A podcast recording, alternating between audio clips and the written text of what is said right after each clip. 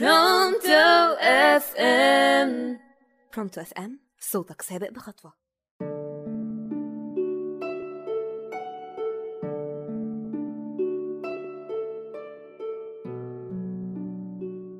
يا مساء الخير على مستمعين راديو Pronto FM صوتك سابق بخطوة. معكم إناس البشير وبرنامج ورا كل باب قصة.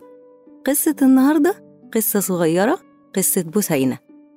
بوسينة دي كانت رايحة لواحدة صاحبتها عشان تعلمها إزاي تعمل أكلة سمك. وقفت معاها في المطبخ لقيتها بتعمل إيه في السمك؟ بتقطع كل سمكة بتقطع راسها وديلها قبل ما تقليها. فسألتها طب انتي ليه بتقطعي راسها وديلها؟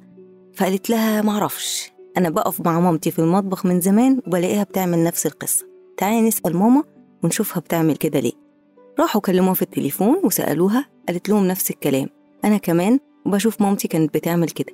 طب اسألي تيتا كده يا ماما وانتي قاعدة. سألتها قالت لها أنا كنت بعمل كده عشان المقلاية بتاعتي مش بتاخد السمكة كلها. بس يعني دي حاجة خاصة بيا أنا. فنفهم إيه بقى من القصة دي؟ إن الناس بتتوارث كل يعني حاجات كتير ملهاش أساس وبتعظمها وهي أصلا ما بيبقوش فاهمين إيه الأساس منها أو ليه السبب اللي أنا بعمل عشانه كده. فالمفروض إن إحنا قبل ما نتوارث الحاجات دي ونعظمها ونعلمها لأولادنا وأجيال تعلمها لأجيال المفروض إن إحنا نعرف إيه سببها.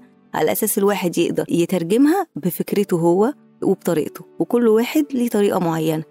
قصة صغيرة بس نفهم منها إيه؟ إن إحنا بلاش نعظم الحاجات مجرد إن أهالينا كانوا بيعملوها وإحنا مش عارفين سببها إيه.